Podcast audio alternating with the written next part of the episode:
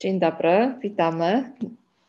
Bardzo się cieszę, że y, pomimo pięknej pogody 11-12 osób jest z nami. Cały czas dołączają.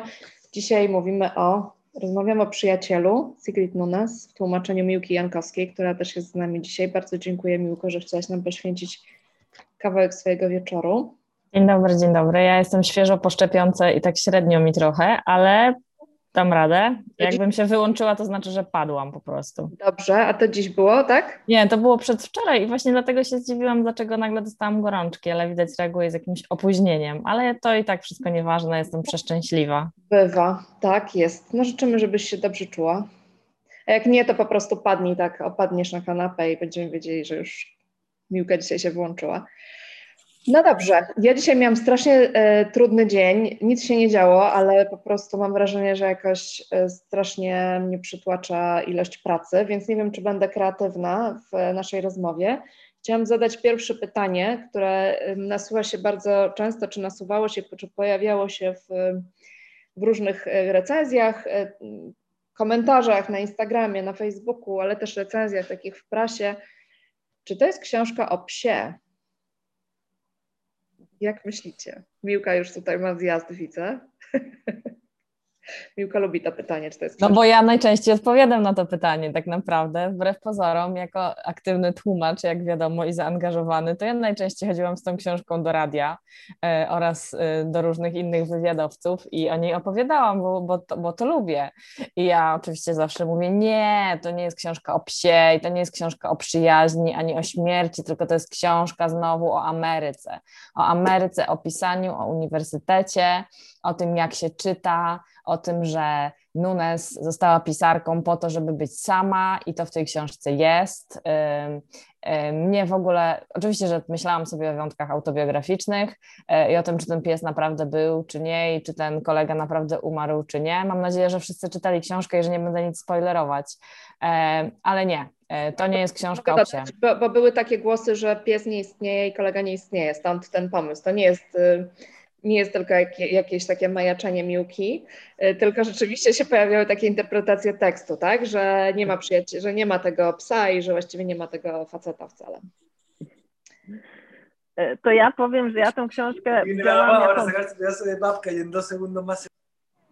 jako drugą książkę pauzy, bo myślałam, że będzie o psie, bo sama mam dwa psy i bardzo chciałam przeczytać książkę o psie. Potem się okazało właśnie, że to jest bardzo amerykańska książka i a ja bardzo nie lubię amerykańskich książek i tak trochę mi było żal, że nie jest więcej o tym psie, bo bym wolała tych, tego wątku z psem więcej, a mniej o tym całym amerykańskim świadku i o tych białych mężczyznach po 50 czy 60, którzy mają zawsze rację i o uciskaniu tych kobiet i tych wszystkich nawiązań. E, wolałabym mniej, a wolałabym więcej psa. A nie masz wrażenia, że u nas biali mężczyźni po 50 również y, wiedzą najlepiej? Znaczy u nas w Polsce to oni w ogóle wiedzą najlepiej na świecie znaczy u was w Polsce. Ja już nie, na szczęście, ale to ja już wolę nie mówić, bo się dowiedziałam przez wiele lat mojej emigracji, że jako Polka na emigracji to nie mogę krytykować Polski, bo wszyscy są sobie strasznie obrażeni. Mhm. Nie, no tak pytam, bo dla mnie to nie jest specyfika amerykańska właśnie. Nie, nie, nie, nie. Amerykańska absolutnie nie, ale tam było dużo amerykańskich smaczków, dlatego powiedziałam amerykańskość, które trzeba rozumieć, można zrozumieć dopiero jak się trochę zna to środowisko, ale generalnie ta supermacja białego e, mężczyzny po 60 to nawet widać, jeżeli się czyta laureatów Nagrody Nobla. Mhm. To mi zakłóca moje statystyki czytania kobiet, mam ciągle białych mężczyzn po 60. No dobrze, no tak, tak jest, okej. Okay. Czyli była psie dla ciebie, czy nie była? Bo mówisz, że ma- Nie, nie, tak. za mało było psie. Znaczy były, oczywiście rola psa była ważna, ale się wydaje, że on był bardziej alegorią, jakąś mhm. taką metaforą niż faktycznie psem. Mhm. Ale ja też już czytałam tą książkę prawie rok temu, więc nie mam jej na świeżo. Okay. A wiecie, kiedy ja ją tłumaczyłam? Już nawet nie pamiętam. Szczególnie jak policzysz, ile było jeszcze po drodze, nie? Bo jakbyś tłumaczyła tę jedną trzy lata temu, to jeszcze. Chciałam właśnie powiedzieć, za dużo tłumaczysz. Ma, ma jakieś pomysły dotyczące Czego nie było?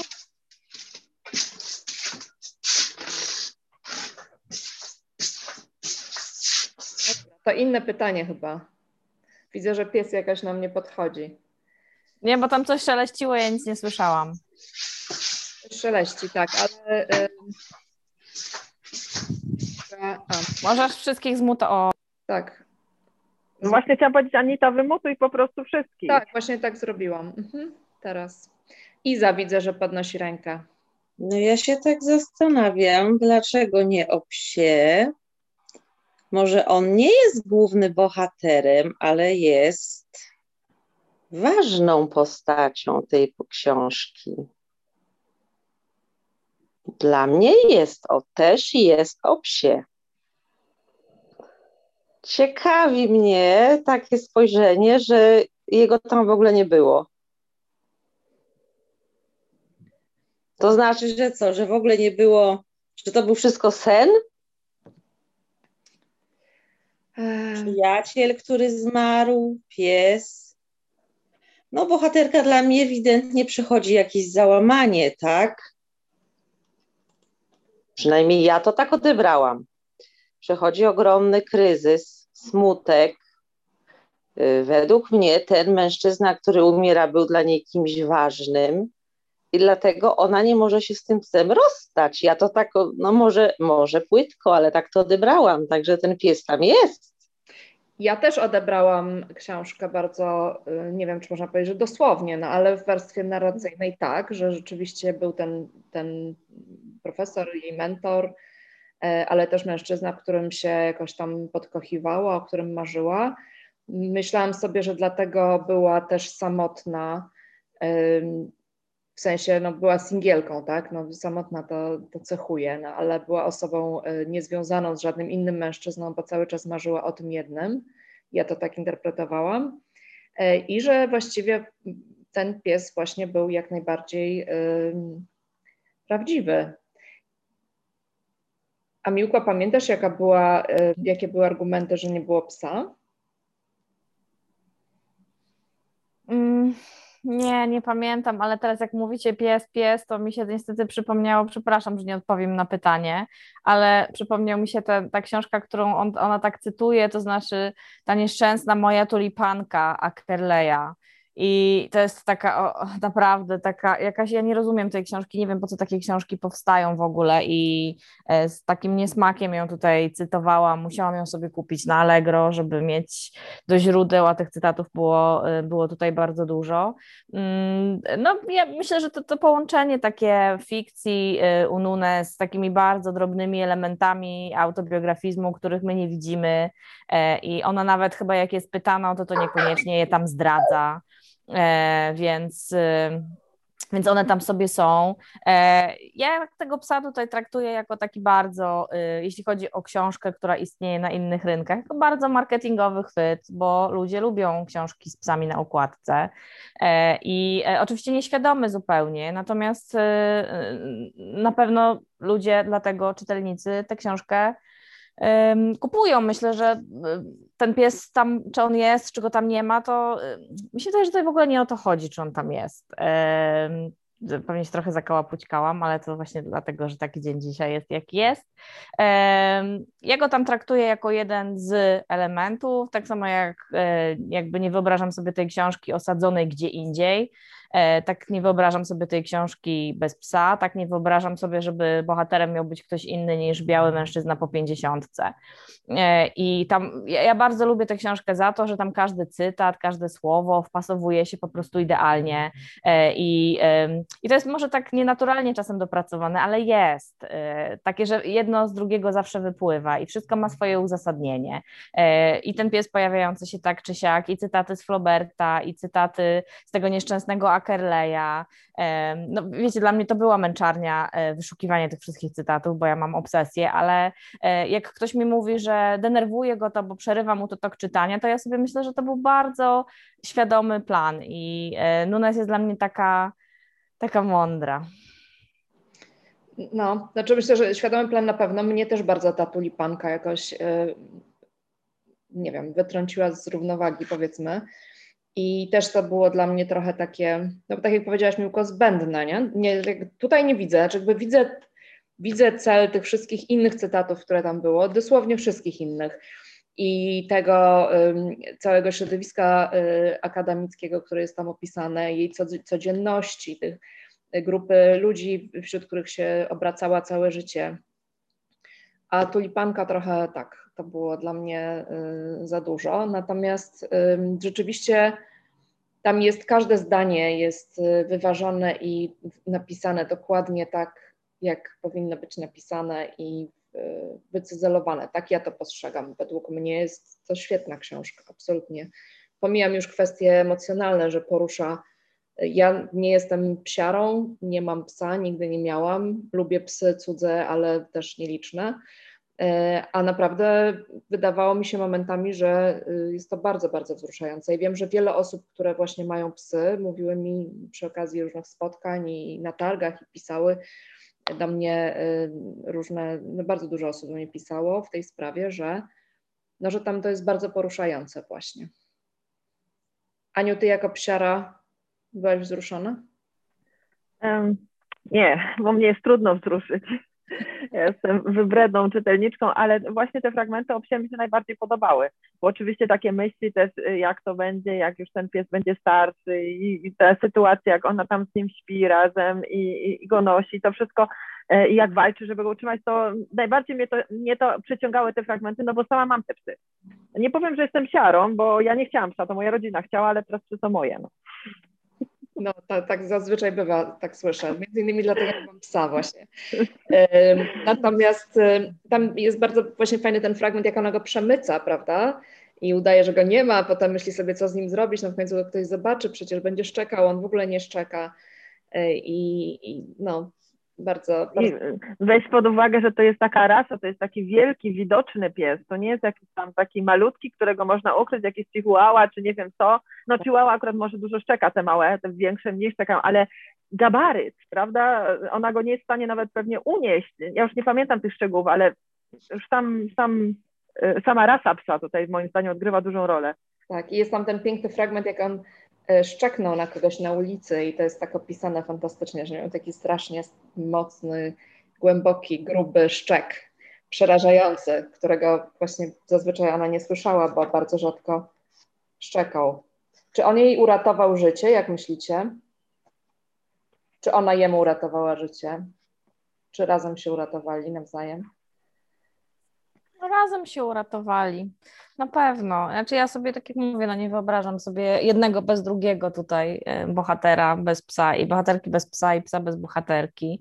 E, I no to jest, tak jak Ania mówi, takie mm, bardzo wzruszające, mimo że cały czas zapisane takim pięknym, e, jakby z pięknymi słowami z kursu twórczego pisania, super poprawnymi, ale nie przesadnie elokwentnymi, bo wiadomo, że to ma dla różnych czytelników.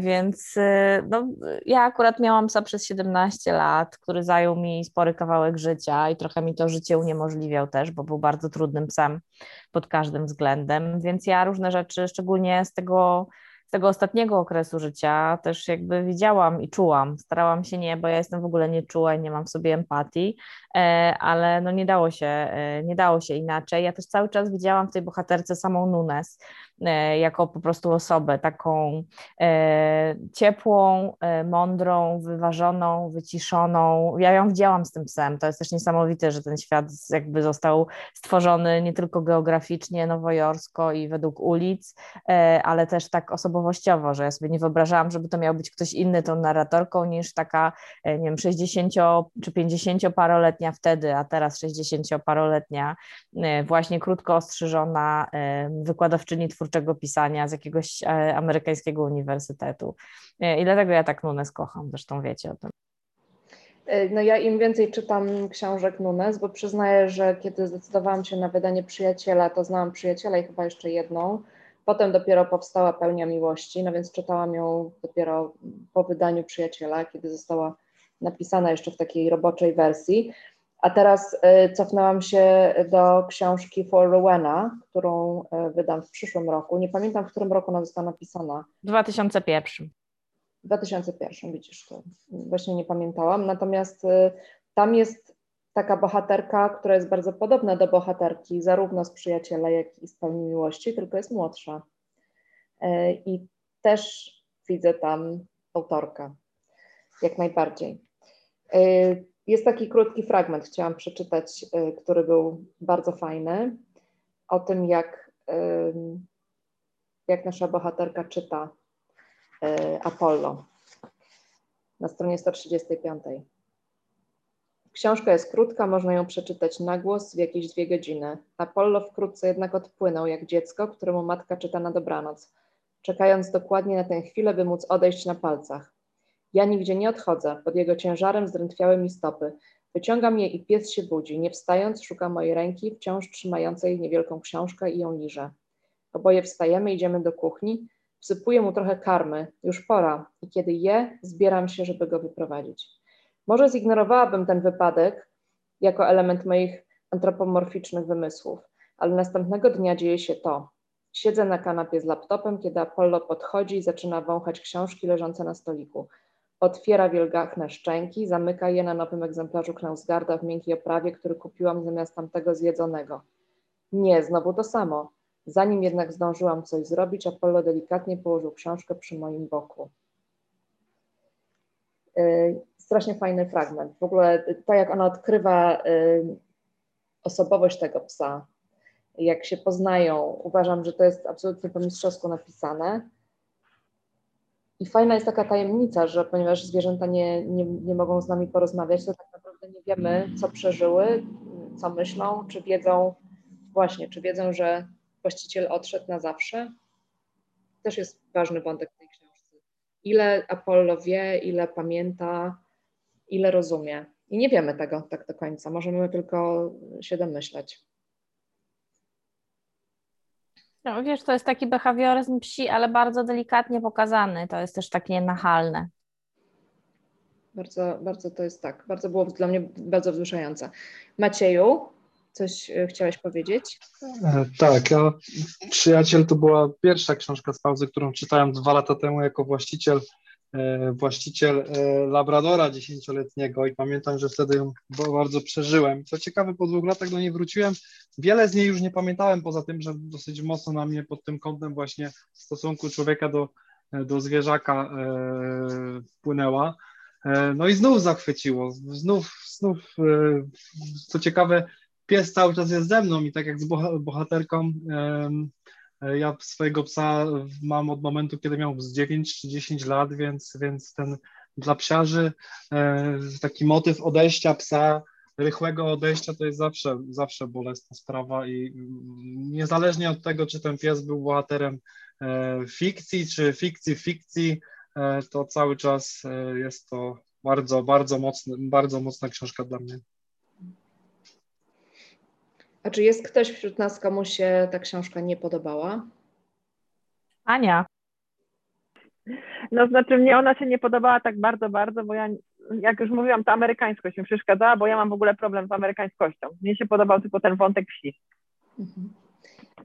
No dobrze, to kiedyś porozmawiamy o innych książkach amerykańskich wydanych przez pauzę. Czy wszystkie Cię tak rażą? Ale na razie nie, nie zmieniajmy tematu. E, ktoś inny, czy sami, e, same fanki i fani książki poza Anią? Musimy jakieś bardziej kontrowersyjne wybierać te książki, Anita, no na, te, na te kluby, żeby się ludzie żarli. A, a jakoś wszyscy kochają Nunes, no oprócz Ani, ale ona trochę też lubi. Miałam nadzieję, że jakoś, no ale to co wybrać, no nigdy nie wiadomo, co będzie kontrowersyjne, co nie. Przy moim roku też było tak spokojnie momentami. Szkoda, raz ja żałuję, że nie byłam na właśnie na y, Otes, Otessie, bo ja akurat jej nie, nie lubię jej, więc właściwie to mogłam przyjść i tam być bo agresorem, ale może następnym razem przy czym. O, zgin kochanie tu też pisze. Karolina pisze zgin kochanie. Jako kontrowersyjna, no zdecydowanie. No to jest dobry pomysł. Może w wakacje, jak nikomu się nie będzie chciał przyjść na klub, to wybiorę zgin kochanie i wtedy wszyscy się pojawią i będą się kłócić o tę książkę. Pomysł. A ja też chciałam powiedzieć o Tesie, bo ja też nie byłam na klubie o Tesie, bo musiałam pracować, a mnie się o Testa też nie, nie za bardzo. Ani opowiadania, ani ta książka. Znaczy przeczytałam, e, okej, okay, ale zbyt amerykańskie. No dobrze, o Florydę nie pytam, nie pytam. Iza? Nie czytałam. Widzisz. No dobrze, to może chociaż ten fragment Florydy, który się dzieje. Ja jestem bardzo zaintrygowana. Co to znaczy zbyt amerykańskie? E, dla mnie to znaczy, bo ja już bardzo dużo zjeździłam Ameryki i po prostu mam taki trochę ambiwalentny stosunek do Amerykanów samych w sobie. E, I nie chcę tu jest opowiadać mojej historii życia, mamy taką pewną przygodę amerykańską w naszym życiu z amerykańską operką, córką naszych przyjaciół Amerykanów, którzy już nie są naszymi przyjaciółmi i jakoś ja mam problem z tą powierzchownością, sposobem bycia, w ogóle z Amerykanami. Za, za, znaczy, miałam możliwość ja... tam przeprowadzić, nie chciałam. Przepraszam Was na sekundkę, muszę odejść na sekundkę, przepraszam. Mówcie, mówcie. Ja rozumiem, bo ja też nie jestem fanką Ameryki, no nie jestem, ale akurat ta literatura, hmm, czy można powiedzieć, że ona jest taka bardzo amerykańska? Czy nie można sobie wyobrazić, że powiedzmy rzecz się dzieje we Francji, gdziekolwiek? Dla mnie nie. Dla mnie nie, jest bardzo osadzona w tych realiach amerykańskich. Nie wiem, co Miłka powie, ale dla mnie bardzo już, poczynając z Nowego Jorku, ten światek uniwersytecki, Nowy te Jork w ogóle jest bardzo... rozmowy, odwołania. Okej, okay. okay. Nowy Jork jest w ogóle bardzo specyficzny i dla mnie akurat taki, wiem, czy taki bardzo amerykański, on jest taki bardzo właśnie nowojorski, tylko, tylko typowy dla siebie. Tak mi się wydaje. No, może Nowy, Nowy Jork, może tak, nie byłam w Nowym Jorku, więc nie wiem, ale cała ta otoczka ja wiem, kulturowa tylko... dla mnie była bardzo. Mhm. Tylko z literatury też nie byłam w Nowym Jorku. Natomiast no, tutaj wywołana też została książka, która, czyli, czyli mój rok, tak, relaksu i odpoczynku, która też na mnie zrobiła ogromne wrażenie. Muszę powiedzieć, że się bardzo przy niej męczyłam ale uważam, że jest świetną książką, świetną. Porusza naprawdę ogromnie bardzo, no bardzo ważny temat. Cieszyłam się, że było... To i za te, tematycznie tak, ale znowu to osadzenie mi się nie podobało, już ten 9-11 na końcu to już w ogóle mnie zdradził. Bo zawsze muszą ten 9-11 włożyć do każdej książki. Mam takie wrażenie. No ja chciałam zdementować tutaj jakoby do każdej, bo na przykład w małym życiu nie ma 9 No nie, oczywiście e, olbrzymiam, ale wiadomo o co chodzi, że często do tego wątku się sięga. Ale to ja powiem, że ja w ogóle amerykańskiej literatury nie czytam i omijam, ja tylko czytam e, do pauzy amerykańską literaturę. Wspaniale, bardzo miło. Ale w takim razie nasz chłopak na przykład nie dzieje się w Nowym Jorku, nie ma żadnego uniwersytetu e, i są, jest patologiczna rodzina, która wydaje mi się mogłaby być absolutnie wszędzie w dowolnym kraju. Wprawdzie jest opis kaktusów w Nowym Meksyku, ale to jest taki fragment mało istotny, więc bardzo polecam tutaj jako coś nieamerykańskiego. Zobaczymy, czy ci się też... Ma, mam na czytniku, mam. Wszystko, prawie wszystko mam, więc przeczytam kiedyś. Może też uznasz, że jest amerykański, bo pewnie w jakimś stopniu jest. Pytanie, czy dopisanie nie jest amerykańskie bardziej niż, e, niż to, gdzie się dzieją te książki. No Magariel jest chyba z Twoich autorów anglojęzycznych Anita najmniej angielski czy amerykański w ogóle. On jest taki bardzo dla mnie, zresztą Van też nie jest, bo Van nie lubi Ameryki, e, więc nawet jak sobie osadza tekst na Alasce czy nie wiem w Kalifornii, to ja mam zawsze wrażenie przy Vanie, że on ma do tego dystans właśnie dlatego, że no, po prostu sobie wybrał takie miejsce i postanowił sobie tam napisać historię, ale równie dobrze to mogłoby być gdzie indziej, więc chyba w Komodo coś takiego się pojawi z tego, co wspominałaś, że to będzie jakieś inne miejsce, więc y, Van jest dla mnie taki właśnie od tej Ameryki zdystansowany, e, mimo że sobie wybierają jako miejsca opowieści, natomiast y, Magariel był taki, że można by tę historię przenieść E, co jest trochę przerażające zresztą w różne inne miejsca. Tam to, tam to jakby osadzenie nie jest, nie jest takie istotne, bo ważniejsze jest to, co się dzieje z, e, rzeczywiście z bohaterami. Natomiast no, Nunes jest po prostu w 100%. Można chodzić sobie po Nowym Jorku, oglądać sobie te kamienice, w której mieszka, i tymi ulicami, którymi spacerowała z tym psem, który nie miał gdzie zrobić kupy, po prostu sobie e, chodziła, co mnie zawsze fascynuje, gdzie się wyprowadza w Nowym Jorku psy.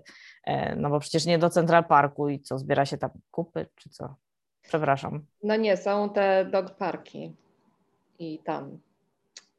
Dog parki, tak. Natomiast no, w tej nowej książce Nune, znaczy nowej starej, którą wydam w przyszłym roku, czyli For Ruena, dla Rueny, też y, jest oczywiście Nowy Jork, y, z tym, że taka znacznie mniej spektakularna i znacznie mniej znana część, czyli Staten Island. bo właśnie główna bohaterka wspomina dzieciństwo, które spędziła, dzieciństwo i, i młodość, nastolet, nastoletnie lata, które spędziła właśnie na Staten Island, przemieszczając się wprawdzie promem na Manhattan, ale, no ale tam ta wyspa odgrywa dosyć, dosyć ważną rolę. No dobrze. Aniu, widzę, że podnosisz rękę. E, tak, słuchajcie, bo ja chciałam powiedzieć o moim spostrzeżeniu a propos tego, co powiedziałyście dwie, e, i Ania, i Iza, i Miłka w sumie też, bo dla mnie ta książka, zgadzam się z tym, że jest totalnie amerykańska jak najbardziej, jest bardzo osadzona w tych, wiadomo, e, że też nie wyobrażam sobie, że mogłaby się dziać zupełnie gdzie indziej, ale dla mnie siłą tej książki jest to, mówię oczywiście ze swojej perspektywy, że ja nie jestem ani psiarą, ani z literackim świadkiem totalnie, czy akademickim, nie mam nic do rzeczy jakby, totalnie w tej książce nie ma, nie wiem, no, mm, nie ma niczego, z czym mogłabym się jakby utożsamić, czy znajdowałabym tam siebie, czy jakiekolwiek tam schematy zachowania, sytuacje z mojego życia i tak dalej. No, powiedzmy tak ogólnie. To jednak niesamowitą siłą dla mnie tej książki jest to, że ona była dla mnie bardzo przejmująca. Ja się zaskoczyłam, że aż, aż, że aż tak bardzo, bo Yy, oczywiście też podeszłam do niej, że może nie, że jest książką o psie, ale że głównie będzie o relacji z psem, no bo ten pies na okładce, tak gdzieś tam wyczytałam w internecie i tak dalej. I się zastanawiałam cały czas, czy jest sens, żebym to czytała, bo ja te zwierzęta, to ja nie, może nie, że nie rozumiem tej miłości do zwierząt, ale jest mi to totalnie obce. I mówię, no pewnie przeczytam i powiem, no okej. Okay. Znaczy też była to moja pierwsza pauza, więc nie wiedziałam totalnie, czego się, czego się spodziewać. Y, no a przeżyłam tą książkę bardzo, była dla mnie bardzo przejmująca i była dla mnie książką przede wszystkim o relacjach, kropka. To znaczy, że y, totalnie jakby nie miało znaczenia, czy chodziło o relacje, wiadomo, z tym y, z małym przyjacielem, czy z psem. Dla mnie po prostu ta książka była o relacjach, bardzo prawdziwa, bardzo przejmująca i, y, i to jest dla mnie jej siła, tak. Dlatego też potem powiedziałam, wow, no będę czytać wszystko pauzy, bo skoro ktoś, ktoś wydaje takie książki, no to Y, to jest to, tak? To jest takie, y, takie książki chciałabym czytać. Więc dla mnie to jest mm, ta siła tej książki, że nieważne gdzie się dzieje, nieważne czy jest o psie, czy nie o psie, czy on istniał, czy nie, czy jest o świecie akademickim, literackim, to po prostu jest, y, jest o relacjach. Ja się zgadzam o tyle, że też tak naprawdę oprócz tego, że, że mieszkałam w Nowym Jorku i że mam ogromny sentyment do tego miejsca, E, to właściwie nic zupełnie mnie nie łączyło z bohaterką. Więc też zaczęłam, pamiętam to czytać pierwszy raz i też myślałam, czy jakoś wejdę w tę historię, czy nie. Ale dla mnie była też bardzo poruszająca i właśnie pokazująca bardzo dobrze relacje i taką samotność. Ja miałam wrażenie, nie wiem, Aniu, czy się ze mną zgodzisz, że trochę jej życie umknęło że tak ledwo się obejrzała, to się okazało, że właśnie jest sama, że się kochała w tym e, facecie, który, już nie pamiętam, czy ma imię, czy nie, ale nieważne, e, w tym, w tym głównym bohaterze, znaczy drugim głównym bohaterze, który, e, który popełnił samobójstwo. I że tak jakby przegapiła ten moment, ten moment, żeby, nie wiem, własną rodzinę założyć, czy, czy spotkać kogoś? Tak, myślę, że tak. Właśnie o relacjach i o, o stracie, tak bym powiedziała, i o stracie, jeśli chodzi o czy drugiego człowieka, czy, no, czy w ogóle o, obecność kogoś z nas, ale także o stracie za tym, czego nie ma, a e, jakby, tak jak mówisz, co umknęło, co mogło jakoś, e, jakoś wyglądać inaczej, tak? Zgadzam się, tak. No i o, o samotności, i samotności też w dużym, e, no, w dużym mieście na pewno też. No i oczywiście element tych białych mężczyzn, prawda? Bo jest tam fajnie opisane, jak się zmieniały czasy i jak y, profesor, który na początku y, mógł, miał było jakby przyzwolenie, tak, żeby uwodził wszystkie swoje y, czy część swoich studentek, nagle się okazało, że no nie jest to już akceptowalne i no i tak stracił swoją pozycję, prawda? To, to też jest taki powiedzmy wątek współczesny, aktualny. I z oczu podnosiłaś rękę? Tak. Ja jeszcze chciałam tylko tak na chwilę nawiązać właśnie do tego psa. Zaznaczam, że też czytałam dosyć dawno książkę, więc może coś mi umknęło, coś mi już, już uciekło, ale dla mnie to też była książka o takim kłopocie, bo zobaczmy, że bohaterka nie była psiarą, prawda? Dobrze pamiętam? Nie była nie była psiarą. I dla niej ten pies jako ten taki... Nie chciała taki go ten- przygarniać. Nie chciała. Ten taki niechciany spadek, ym, zobaczmy, że bardzo dużo w niej zmienił, tak? I tutaj Ania chyba mówiła, że nie zna zwierząt i, i, i też była zaskoczona swoją reakcją, że, że się wzruszyła. No ja wzruszyłam się bardzo, bo mam zwierzęta i rozumiem, że one też mają duszę, przepraszam, mają duszę i potrafią nas wiele nauczyć. I wydaje mi się, że ten pies y, dużo, dużo nauczył y, główną bohaterkę. On jej wiele dał, mimo że na początku ona widziała w nim tylko ten problem, tak? Co ona nim, z nim zrobi? Ona mieszka tam, gdzie nie można y, trzymać psów i tak dalej, nie mówiąc już o tym właśnie, y, wiadomo, beton, y, cegła i nic więcej, gdzie te psy, a, a mimo to okazało się, że on jej dużo dał. Ona chyba w sobie też odkryła coś nowego, tak? Takie pokłady też uczuć. Na początku może ona się y, stara zająć nim tylko przez takie poczucie właśnie obowiązku, tej, tej miłości do tego przyjaciela, ale potem, ja przynajmniej tak to pamiętam, potem ona jakby odkrywa też tego psa, że on ma niesamowitą osobowość i że on jej bardzo dużo daje też. Ona się zmienia, ona się zmienia, ona, ona po prostu uczy się kochać tego psa. Ona sama jakby, y, ta sytuacja ją zaskakuje, y, Tak. jak bardzo właśnie się przywiązuje do niego, jak bardzo jest skłonna e, zmienić swoje życie. To jest też dla mnie bardzo był wa- ważny wątek, że, że tak, ona tak jakby broniła tej swoje, tego swojego starego życia. Nie chciała Tak, ona, się, się ona była taka nieprzystępna, prawda? Nieprzystępna. sama siebie a tu- przekonywała, że nie może go przygarnąć, bo przecież Mhm. mieszkanie.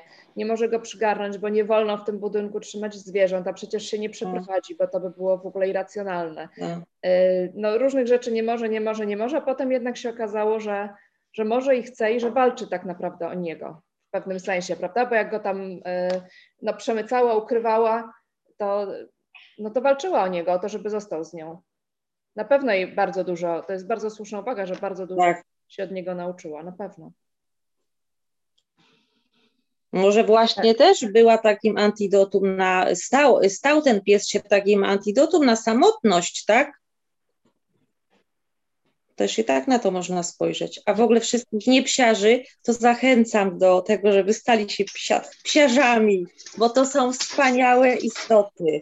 Czy psy, czy koty, czy w ogóle zwierzęta. Ja jestem wielką fanką.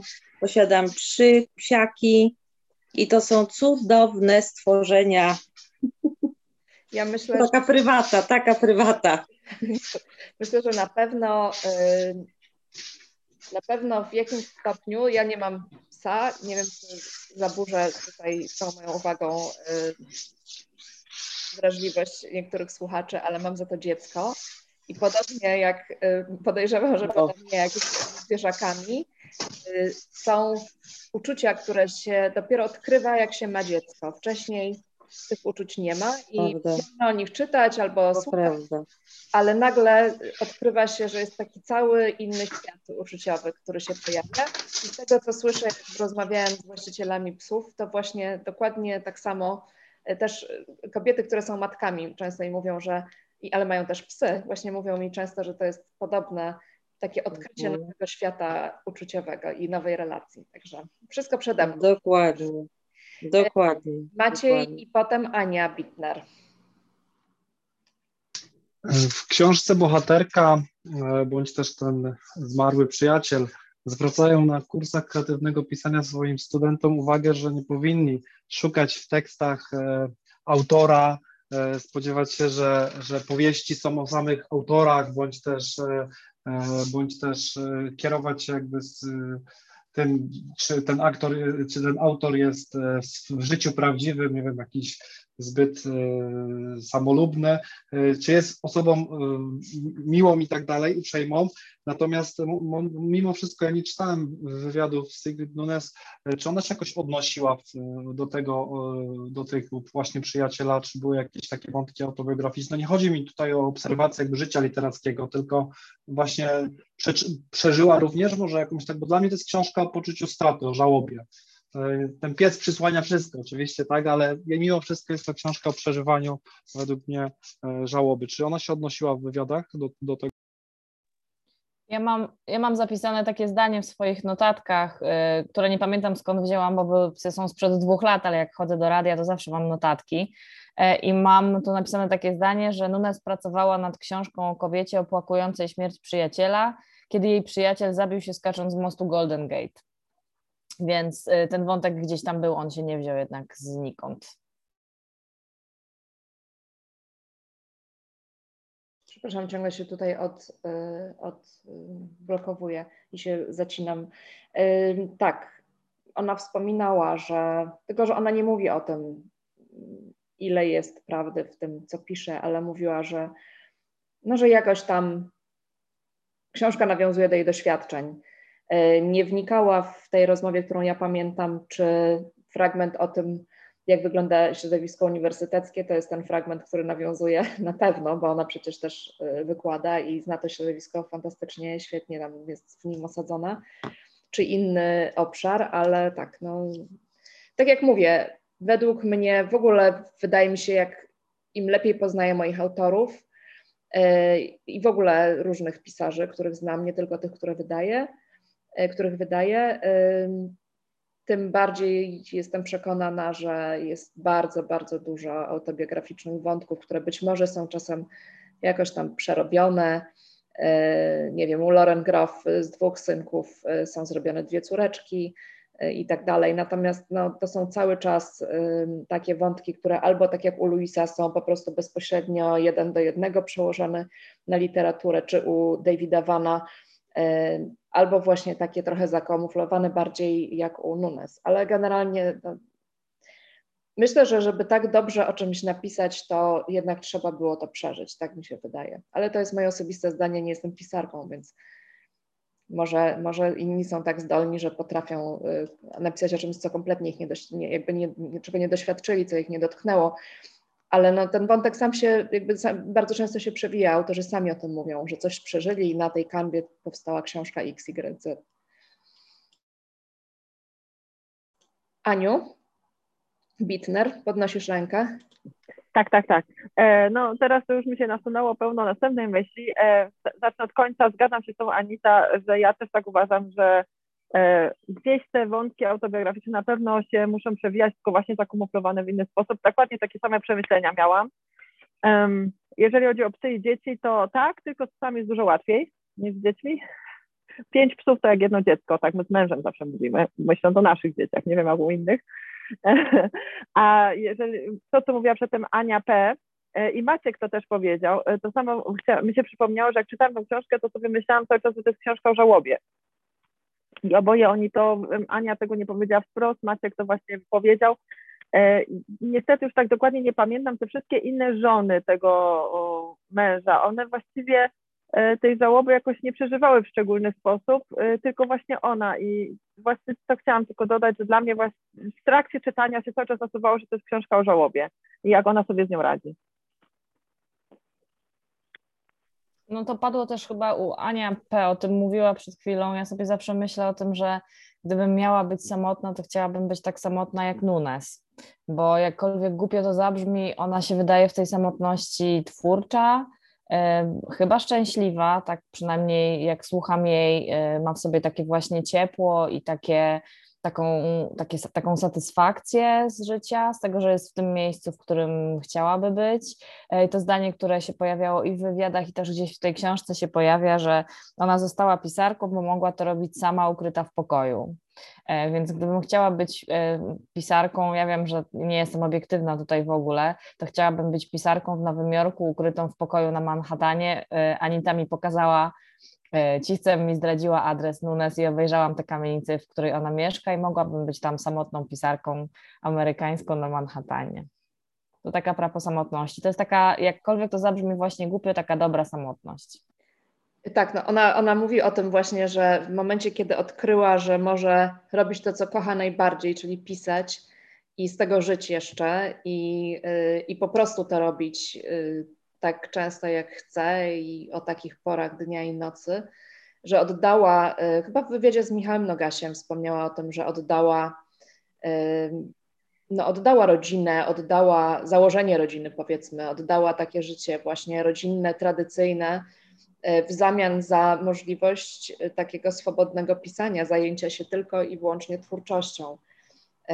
Także wydaje mi się, że na pewno teraz jest, no na pewno z tego, co widzimy właśnie i czytamy, tak jak Miłka wspominała, w wywiadach czy w rozmowach z nią, takie sprawia wrażenie, że jest bardzo szczęśliwą osobą i bardzo zadowoloną z tego, jak jej życie się potoczyło. Natomiast czy po drodze właśnie tak jak bohaterka przyjaciela nie miała wątpliwości, czy jakichś żali, czy być może sama się kochała w kimś, kto był niedostępny. I wiemy przecież, że czasem tak jest, że potem sobie dorabiamy jakąś teorię e, do tego, że właściwie tak myślimy, że najfajniej było tak, jak, e, jak się życie potoczyło, a, a wypieramy to, że były takie chwile, kiedy myśleliśmy, że może E, nie było wcale tak fajnie. Może należało postąpić inaczej. Być może też tak miała Sigrid Nunes. A to jest bardzo specyficzny taki gatunek, nawet nie umiem go nazwać i on jest, to jest i Nunes, i Van, że tak bardzo nie można oddzielić treści książki czy fabuły od autorki. E, jednocześnie, no bo ja nie wiem, jakby mnie ktoś zapytał, to ja nie wiem, czy to jest fikcja. Ja nie nazwę tej książki fikcją. Fikcją jest dla mnie E, nie wiem, małe życie, e, no, no, nie wiem, są takie po prostu powieści, to jest dla mnie fikcja, ale te książki pauzowe, one tak, może dlatego, że to są wszystko e, żyjący autorzy, którzy cały czas jakby funkcjonują w tym świecie. Tak trudno jest dla mnie oddzielić te treści, wszystko nawet opowiadań Grof, czy opowiadań Laury Vandenberg, no już nie mówiąc o tych w oczywisty sposób jak Louis czy Van, E, tak trudno jest oddzielić tę książkę od, od osobowości, od postaci, od miejsca, od stylu życia, od wyglądu tego autora. I to jest też taka bardzo charakterystyczna cecha książek pauzy, myślę, wyróżniająca ją spośród wszystkich innych wydawnictw, że, e, że ci, ci, ci pisarze są też bohaterami tych książek. One się też wszędzie właściwie, oni się zawsze pojawiają w jakiś sposób e, w tym naszym życiu, też nie tylko jako autorzy tej książki, ale też jako ludzie. I, i, i ja bardzo żałuję, że Nunes nie przyjechała, bo to jest jakby ciągle pozostaje takim jakimś dla mnie bytem właśnie z powieści, nie wiem, Rosa, Delilo albo kogoś takiego. No przecież jest, istnieje i, i, i można by z nią pogadać, tylko że nie wyszło, bo COVID.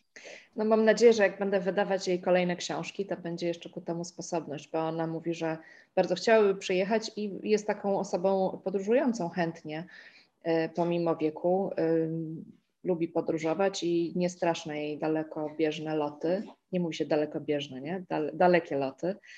Yy, także i mówi, że pierogi strasznie lubi, więc może przyjedzie. No, Nowy Jork jest najbliżej. Nie jest chyba to Yun Lee, która z Los Angeles musi mieć jakąś super biznes klasę i fotel specjalny, rozkładany, ponieważ ma chory kręgosłup. Już nie pamiętam, czy to ona, czy to od niej dostałam taką informację od agenta, czy od któregoś z innych autorów, ale chyba właśnie tak było. No nie, ale brakuje mi jeszcze y, autorki czy autora z Australii, bo to już byłby taki najdalszy lot. I, y, no Iwan w pewnym momencie mieszkał przecież w Nowej Zelandii i straszył, że będzie leciał stamtąd, więc y, ale on to chętnie, chętnie podróżuje. Nie, nie boi się zupełnie niczego, nawet jak był COVID, to nie zmienił zupełnie swojego stylu życia i, i też był na antypodach, jak tylko mógł. Y, myślę, że tak, że zgadzam się z tym, że, że Nunes jest trudno oddzielić od, y, od jej bohaterek i tak jak mówię, nie tylko w tej jednej książce, ale we wszystkich, które czytałam. Ona jest bardzo obecna i właśnie wyobrażam sobie bohaterkę, y, że tak mniej więcej wygląda i tak się zachowuje i też jest taka wyważona, bo zauważcie, że te bohaterki i w pełni miłości, i w przyjacielu, no nie są na przykład histeryczkami, prawda? Y, jakoś osobowościowo też nie odbiegają od tej Sigrid Nunes, którą, y, którą znamy z wywiadów i z obserwacji. Iza? Na pewno, ja się na pewno y, być może rzeczywiście taka jest. Y, są to kobiety, które są odważne, które robią coś, co y, chyba je troszeczkę zaskakuje, ale potem odnajdują się w tym, tak? Odnajdują się w tym. Y, tak samo było w pełni miłości. Przecież ona też nie chciała, nie chciała towarzyszyć tej, tej, tej koleżance. Czuła się w jakiś sposób wymuszona, podobnie jak w przyjacielu, też nie chciała zająć się psem, też czuła się na początku przymuszona, a potem okazało się, że no świetnie poradziła sobie w sytuacji, która na początku była dla niej bardzo niekomfortowa, prawda? Y, jeśli nawet sama autorka taka jest, no to czy nam ma to przeszkadzać? Mi to absolutnie w niczym nie przeszkadza. Wątki jakieś autobiograficzne też, też y, nie przeszkadzają. To, że tak pisze o, o uczuciach, to jest ogromny, ogromny właśnie plus i wielkość tej, tej literatury. Że, że pisze tak, że aż nam te serducho w środku, prawda, drga. No ja, ja też byłam bardzo wzruszona i przy przyjacielu, i przy, przy pełni miłości i yy, no byłam naprawdę pod wrażeniem ogromnym. Myślę, że y, no ja tak samo bardzo podobnie odbieram wszystkie jej książki. Po prostu uważam, że jest mistrzynią. Absolutnie mm -hmm. jest jedną z moich ulubionych pisarek pauzowych, chociaż rzadko y, opowiadam o moich faworytach E, ale naprawdę mam do niej ogromny sentyment. Uważam, że jest niezwykle, e, niezwykle utalentowana. Tak, ja, ja podobnie też się w niej zakochałam i, i no, no mówię, ogromny, ogromny plus właśnie, y, nie wiem czy to kwestia warsztatu, ale y, pisać w taki sposób o uczuciach, no to jest wielka, wielka sztuka, tak? Bo y, no nie wiem, czy ktoś znaczy, na pewno są tacy, co powiedzą, zostałem nie, niewzruszony, tak? Y, ale uważam, że y, potrafi, potrafi poruszyć niejedno serducho, o tak. Tak, to widać też po sprzedaży y, książek Sigrid Nunes, że zdecydowanie porusza nie jedno serducho, co mnie jako wydawczynię bardzo cieszy. To jest bardzo często też pierwsza książka y, i myślę, że no jakby na to nie spoglądać, to ten pies na okładce i ta piękna historia i to jak Nunes pisze, to y, jakby z Vanem może być różnie, jak ktoś weźmie legendę o samobójstwie, to może go po prostu, y, może, może nie chcieć już czytać dalej pauzy, chociaż jak się zna na dobrej literaturze, to będzie. Natomiast Nunes jest takim idealnym właśnie pierwszym strzałem pauzowym i jak ktoś ją weźmie, to potem już po prostu już będzie wiedział, już zaufa tak Aniu, tak właśnie sądzę, myślałam o to sobie przed sekundą, że po prostu wie, że już go czeka tylko samo dobro. E, I to jest y, no, po prostu jakby, to, to, też mogła być pierwsza książka pauzy, tak sobie myślę, i, i też byłoby, byłoby idealnie. Ja jestem bardzo ciekawa pierwszej chyba, albo jednej z pierwszych książki, książek Nunes, um, chyba o rodzicach. To miało tytuł A Feather on the Breath of God. Tak. E, ja sobie tylko wynotowałam tam taką rodzice i imigranckie dzieciństwo. Ja jestem, nie mogłam nigdzie znaleźć informacji tak naprawdę o tym. Jestem ciekawa, jak, ta jej, jak to jej dzieciństwo w Nowym Jorku e, wyglądało, takie wielokulturowe, jak to było w domu, jak, jak, jak było z językami, czy to, to dziedzictwo takie dziwne, mieszane miało jakiś wpływ na nią i jaki. Bardzo, bardzo jest, nie wiem, czy kiedyś będę miała czas, żeby czytać dla przyjemności, więc chyba Anita musi kupić tę książkę, bo inaczej jej nie przeczytam. No ja, e, tak jak mówię, na razie będzie ta Ruana, potem mam nadzieję, że Sigrid coś nowego napisze, ale tak, no y, bardzo fajna jest ta książka, bo teraz ją też czytałam właśnie pod kątem tego, co wydać y, jako następną i wybrałam Ruanę, z różnych przyczyn, natomiast jest bardzo fajna i tak, i, no i są tam poruszane te wątki, ale nie będę za dużo o niej mówić. Bo to są Niemcy, Panama i Chiny, wiecie, to jest taki zestaw po prostu bardzo kosmiczny, jeśli, jeśli pomyśleć o, tak. e, o, o, o życiorysie i o korzeniach i o kulturowości i multikulti, nie tylko bardzo Nowym Nietypowe, bardzo nietypowe, tak. Taki miks nietypowy, prawda? Nawet dla Stanów jest nietypowy miks, także e, no ciekawe. E, jak Wam się spodobają też jej kolejne książki. I w ogóle ciekawa jestem, co ona napisze, e, co będzie pisała dalej, jak będą te książki wyglądały. Aniu, czy miałaś podniesioną rękę, czy nie opuściłaś jej? Ania Bitner. Nie, nie opuściłam, a to jak się, jak się to opuszcza? Nawet nie wiem. Cześć, tak tylko pytam, bo nie wiedziałam, czy coś chcesz powiedzieć. Nie, nie, już nie. Znaczy, generalnie to ja zawsze mogę coś powiedzieć. Jak mówiłyście o tym pisaniu, to mi się nasunęło dużo różnych myśli, że ona jest samotna, żeby pisać. I ja się nad tym tematem ostatnio bardzo dużo akurat zastanawiałam, więc słuchałam z ciekawością, co mówicie i starałam się sobie mm, e, przypomnieć, czy znam jakąś pisarkę, nie wiem, matki kilkorga dzieci, która pisze aktywnie. Znacie? Lauren Groff. A, Lauren okay, Groff no ja czyta 350 książek rocznie, wychowuje dwóch synów, albo jej mąż wychowuje dwóch synów. No to chyba mąż. Mają razem, ma, oni mają taki układ, że pół dnia ona się zajmuje dziećmi, a pół dnia on, e, a niektóre, niektóre dni razem. E, także no, ona bardzo strzeże jakby tego czasu pracy e, i ten czas pracy jest właśnie albo poświęcony czytaniu, albo pisaniu. E, I właśnie pamiętam, jak, jak będąc w Polsce rozmawiałyśmy z Loren i powiedziała, że czyta 500, 500 książek, 300, przepraszam, nie 500, nie 350, nie 500 książek rocznie, to no, trochę mnie powaliła ta liczba. I jeszcze no, komentarze. E, mnie też powala, no bo ja czytam przykład, nie wiem, może 150 książek rocznie i uważam, że to jest dużo, więc ona musi mieć bardzo współpracującego męża. E, bo akurat ta, niedawno czytałam książkę, którą, o której Ci mówiłam, Anita, e, Daniel, Danieli Krim, która też porusza ten wątek. Tam jest jedna z bohaterek, która jest pisarką i aż z niej wypływają te tematy, chce pisać, ale ma dwójkę malutkich dzieci i męża, który nie współpracuje i, i bardzo z tego powodu cierpi. Ponieważ e, to nie jest tylko to, że ktoś ci się pół dnia zajmie tymi dziećmi, ty musisz mieć też pustą głowę, czystą głowę, niezajętą. Właśnie Loren o tym mówi, że trzeba mieć przestrzeń jakby y, tak. y, żeby to zrobić tak. i, i, myśli takie wolne, z tym, że ona to załatwia sportem, bo ona wstaje rano mm. i zaczyna od biegania i dopiero po tym bieganiu siada i, i pisze. Czyli e, okej, okay, ona biega, pisze, ma dwójkę dzieci, jeszcze czyta 350 książek? No.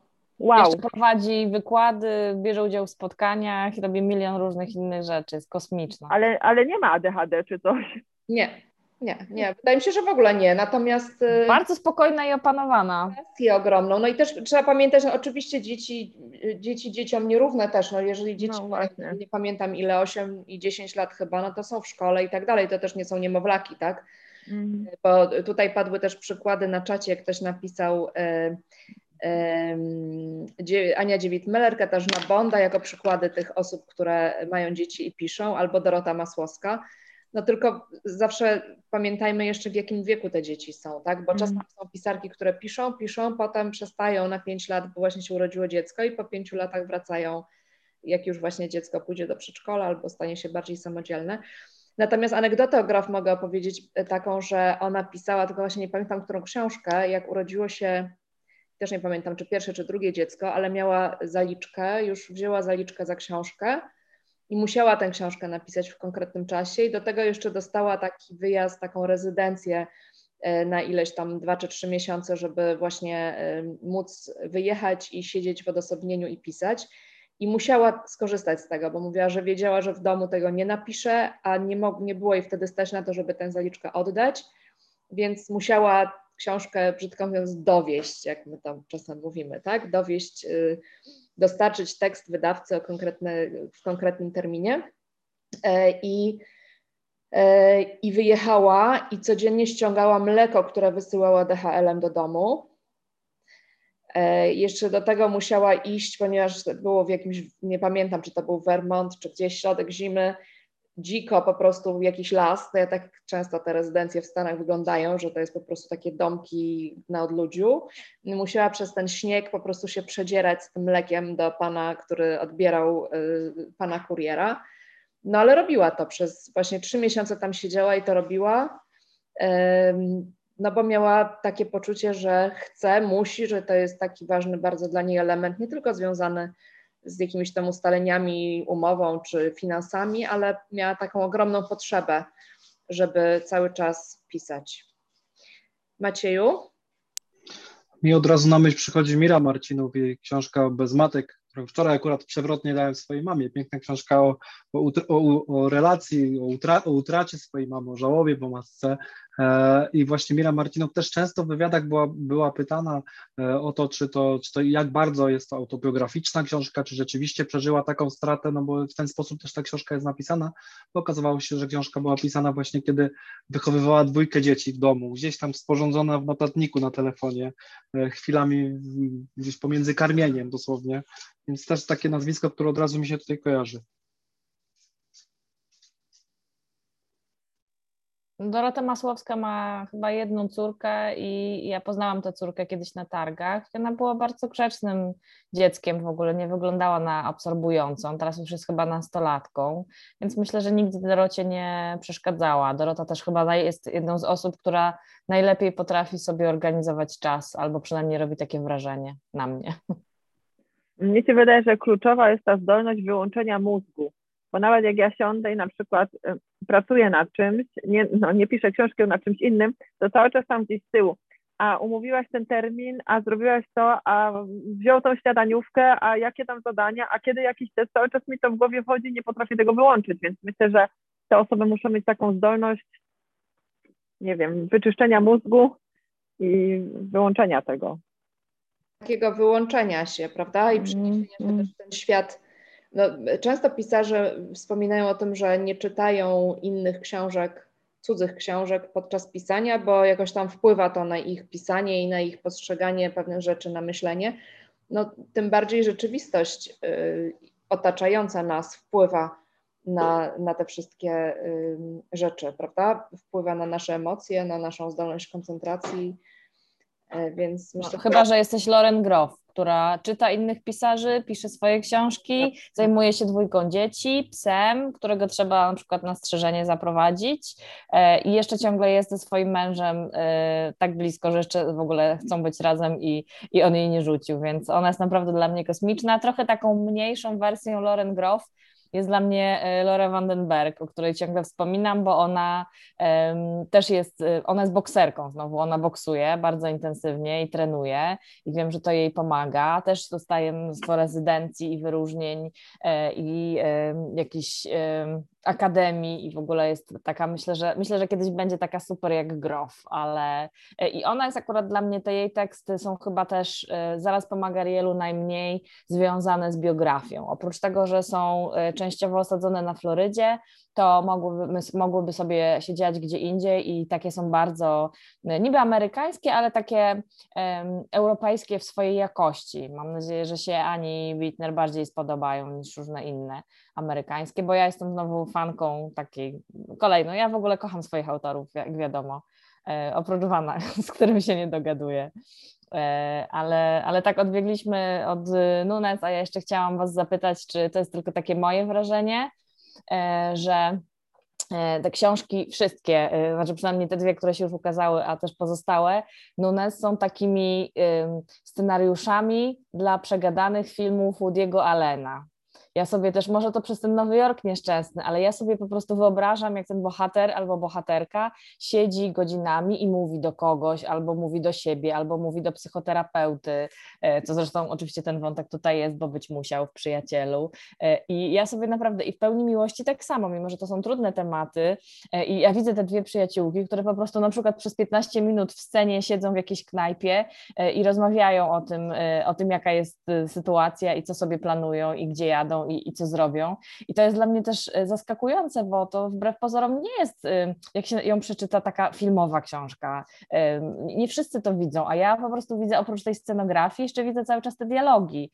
I to, to jest też dla mnie kolejna wielka rzecz u Nunes, że, że ja bym chciała to obejrzeć. Chciałabym obejrzeć te nowojorskie mieszkania, te spacery za polem po ulicy i mogłabym nawet słuchać po prostu tych wynurzeń intelektualnych, przerobionych na pseudointelektualne wynurzenia Udiego Allena. Bardzo, bardzo to lubię lubię też ją za to. Ja myślę, że to jest właśnie dokładnie to środowisko, które Allen pokazuje, prawda? To, to jest y, ci intelektualiści nowojorscy, to jest to środowisko, które widzimy w filmach Allena i które też opisuje Nunes, także też stąd te skojarzenia. A Laura z kolei y, jest przyjaciółką Lauren Groff i też y, żoną pisarza i też mieszka na Florydzie. Więc tutaj będą różne inne punkty zbieżne, myślę. Ciekawe, jak, jak Laura napisała opowiadania Trzymam Wilka za uszy, które Miłka przetłumaczyła, które ja wydaję 2 września i Laura będzie na, można powiedzieć? Mów. Laura będzie gościem, co prawda online, ale moim ukochanym, ulubionym gościem mojego międzynarodowego festiwalu opowiadania, który ja organizuję we Wrocławiu od 17 lat. I to jest festiwal, który rzeczywiście jest poświęcony e, wyłącznie opowiadaniom. Jedyny taki w Polsce, jeden z trzech albo czterech w, w ogóle w Europie. E, I ucieszyłam się, chociaż oczywiście jestem potwornie zestresowana, e, że to przecież będzie moja autorka. E, i między trzecim, jeszcze nie ustaliłyśmy dokładnej daty, ale między trzecim a 5 września będzie rozmowa z Laurą Vandenberg i będzie też drugim gościem a propos pauzy Andrea Lundgren, którą znacie z Fauny, bo to też opowiadanie. Fauny Północy, tak, dokładnie tak. Także to wszystko przed nami. I Laura będzie zdalnie, Andrea będzie na żywo, dobrze pamiętam? Tak, jeśli Szwecja się zaraz nie zamknie, bo tam coś się dzieje złego, ale mam nadzieję, że nie. No. E, Andrea będzie na żywo i jeszcze będzie, skoro już o tym rozmawiamy, pewnie kojarzycie z pauzowych zapowiedzi E, antologii opowiadań irlandzkich, Niepoprawna Mnogość i tam jest jedna z autorek, która nazywa się Kit DeVal, ma też jakieś karaibskie korzenie i jestem w ogóle jej wielbicielką od jakiegoś czasu. I Kit też przyjedzie na opowiadania na żywo, więc jakbyście mieli ochotę na weekend we Wrocławiu, to 3-5 września w plenerze, w reżimie sanitarnym, e, z kocykami na leżaczkach będziemy sobie słuchać opowiadań. E, dużo pauzowych, bardzo dużo dużo pauzowych i e, nie wiem, czy będzie też w tym samym czasie e, w teatrze we Wrocławiu grana Tirza, e, ale pojutrze chyba jest premiera sztuki Tirza we Wrocławiu właśnie na podstawie powieści Arona Grunberga. Mam nadzieję, że ją zobaczę właśnie jesienią. Taką mam nadzieję. Czy coś jeszcze o, e, o Nunes i o przyjacielu e, macie do powiedzenia, albo do zapytania, albo jakieś uwagi? Chyba Dzisiaj nie. jest taki średni dzień. Tak, jest średni dzień. E, słuchajcie, to może skończmy powoli. Ja chciałabym zaproponować na. O, jeszcze Maciej podniósł rękę, czy nie?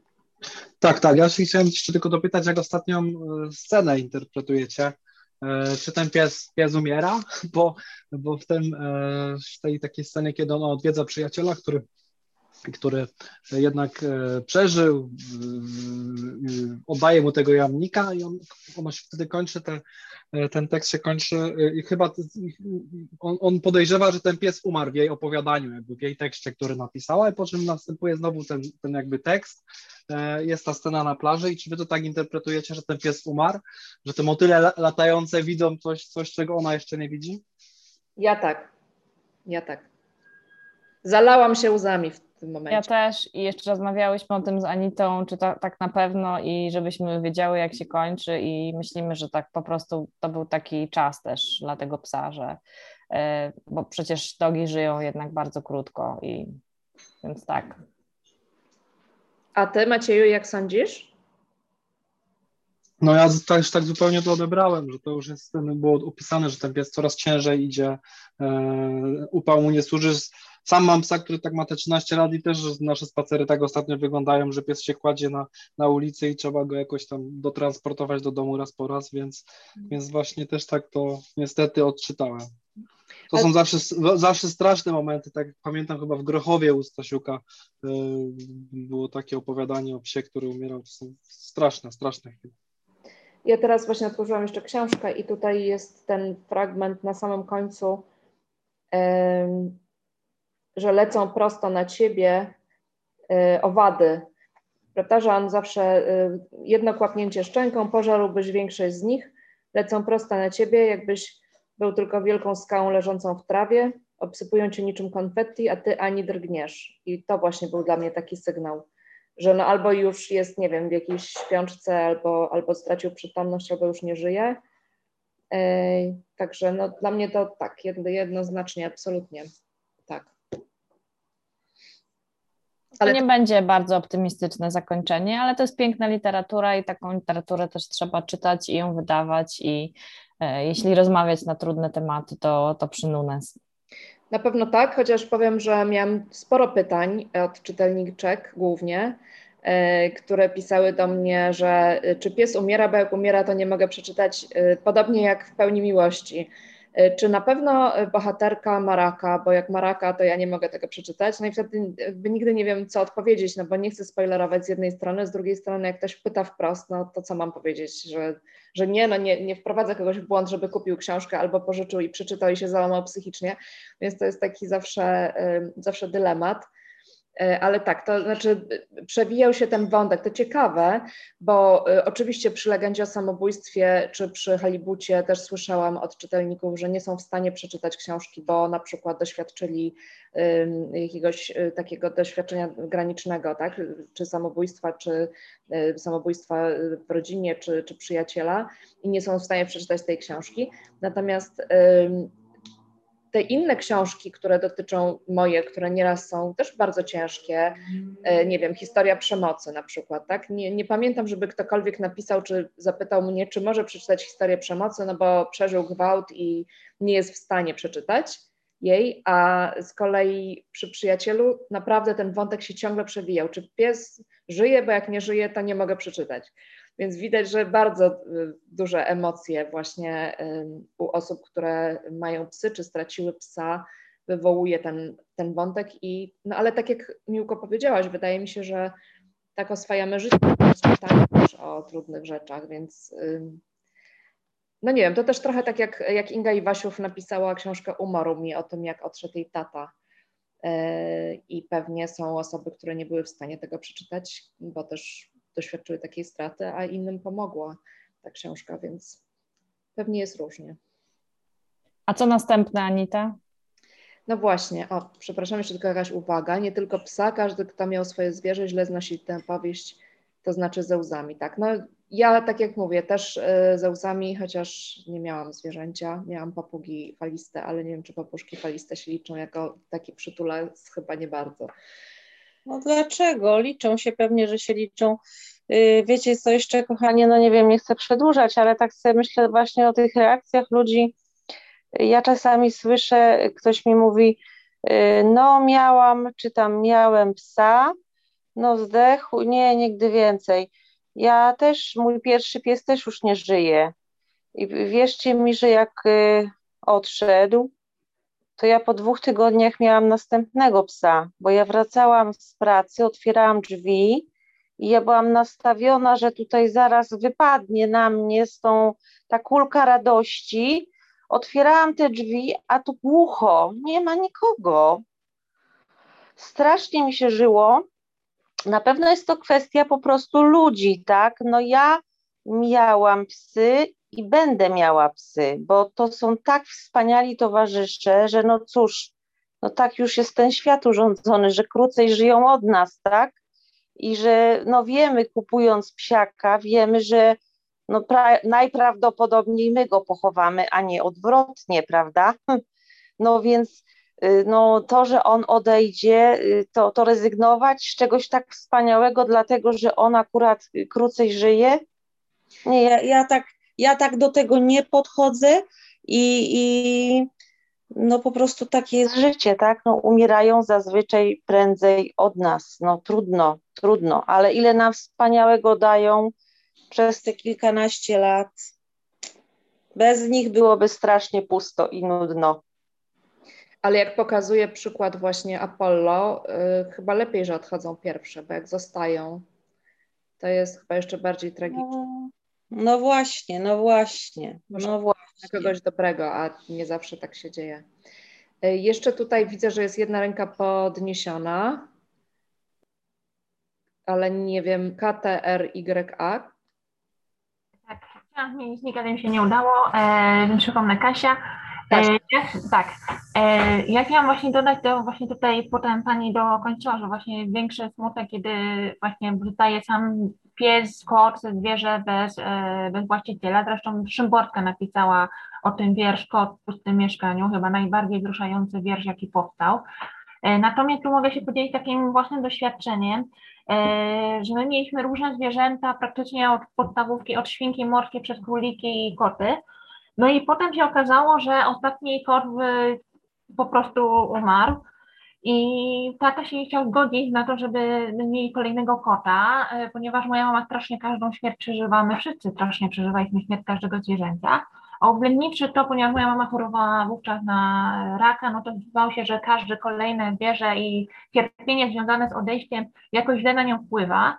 Ale to u mojej mamy przerodziło się totalną depresję, ponieważ równocześnie my dorośliśmy, tak, my ja z bratem i byliśmy już dorosłymi ludźmi, więc też dla mojej mamy, która była przyzwyczajona, że od, od no, praktycznie od 20 lat wstawała i zawsze albo to miała dzieci do wykarmienia, a potem jak myśmy wyrastali, to miała przynajmniej koty, którym musiała wstawać, a tu dla niej powiedziała, że właśnie nie ma po co wstawać. I pamiętam, że chyba pół roku minęło, zanim udało mi się z tatą pogadać, właśnie dotyczącej sytuacji, żeby przyjąć koty, ponieważ to nie jest kwestia tego, że posiadanie kota, to znaczy, że śmierć kota płynie negatywnie na mamę, tylko brak tych zwierząt powoduje, że mama nie ma właściwie celu w życiu. Y, no i udało się tu nawet przegadać, bo teraz się trochę bała, co będzie nawrót choroby, kto będzie się opiekował tym kotem, no i musiałam złożyć obietnicę, że mimo mojego wyjazdu na studia, bo to się tak nakryło, że zobowiązuje się potem w razie czego, jakby mojej mamie faktycznie coś się stało i mama musiała wcześniej odejść, no to się tymi kotami zajmę. No ale no, pamiętam ten moment, kiedy po tej długiej przerwie akurat przyjęliśmy dwa koty, bo były dwa koty do oddania po innej pani, która też poważnie chorowała. No to na mojej mamie, to moja mama płakała ze szczęścia i po prostu do dzisiaj te koty mamy, minęło już prawie 10 lat yy, i mam nadzieję, że jeszcze długo jej pocieszą, ale no moja mama znowu cel życia, teraz miała znowu nawrót choroby, ale znowu miała motywację, bo widziała, że no nie może opuścić tych swoich kotów i to też jakby na, też motywuje ludzi do tego, żeby żyli dłużej, nie? Więc też mają taką moc terapeutyczną.